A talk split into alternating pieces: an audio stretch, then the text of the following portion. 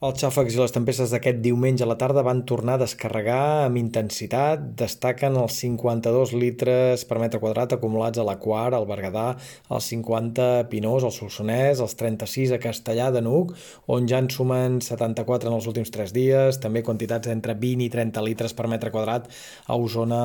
al Bages, al Pallars Jussà, a la Cerdanya, pluja que va acabar afectant molts punts de la meitat nord del país i cap al tard. Fins i tot es van escapar gotes a l'entorn l'entorn de l'àrea metropolitana o les Terres de l'Ebre. Per avui sembla que es mantindrà aquesta dinàmica un dilluns al matí en conjunt assolellat però una tarda més insegura, més variable, creixement de nuvolades en punts de muntanya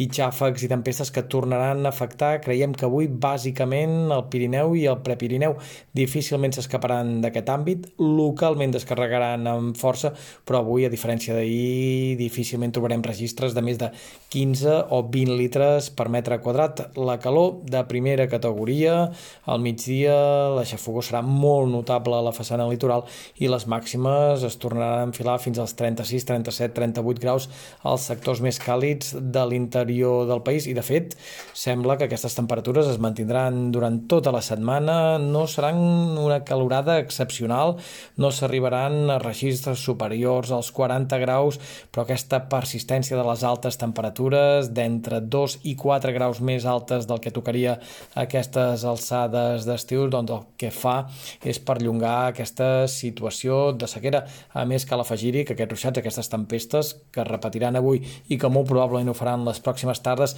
sempre es quedaran concentrades en comarques interiors, bàsicament del terç nord del país, i per tant és molt probable que abans de la Mare de Déu d'agost molts punts de la costa central de la Costa Daurada no rebin ni una gota d'aigua.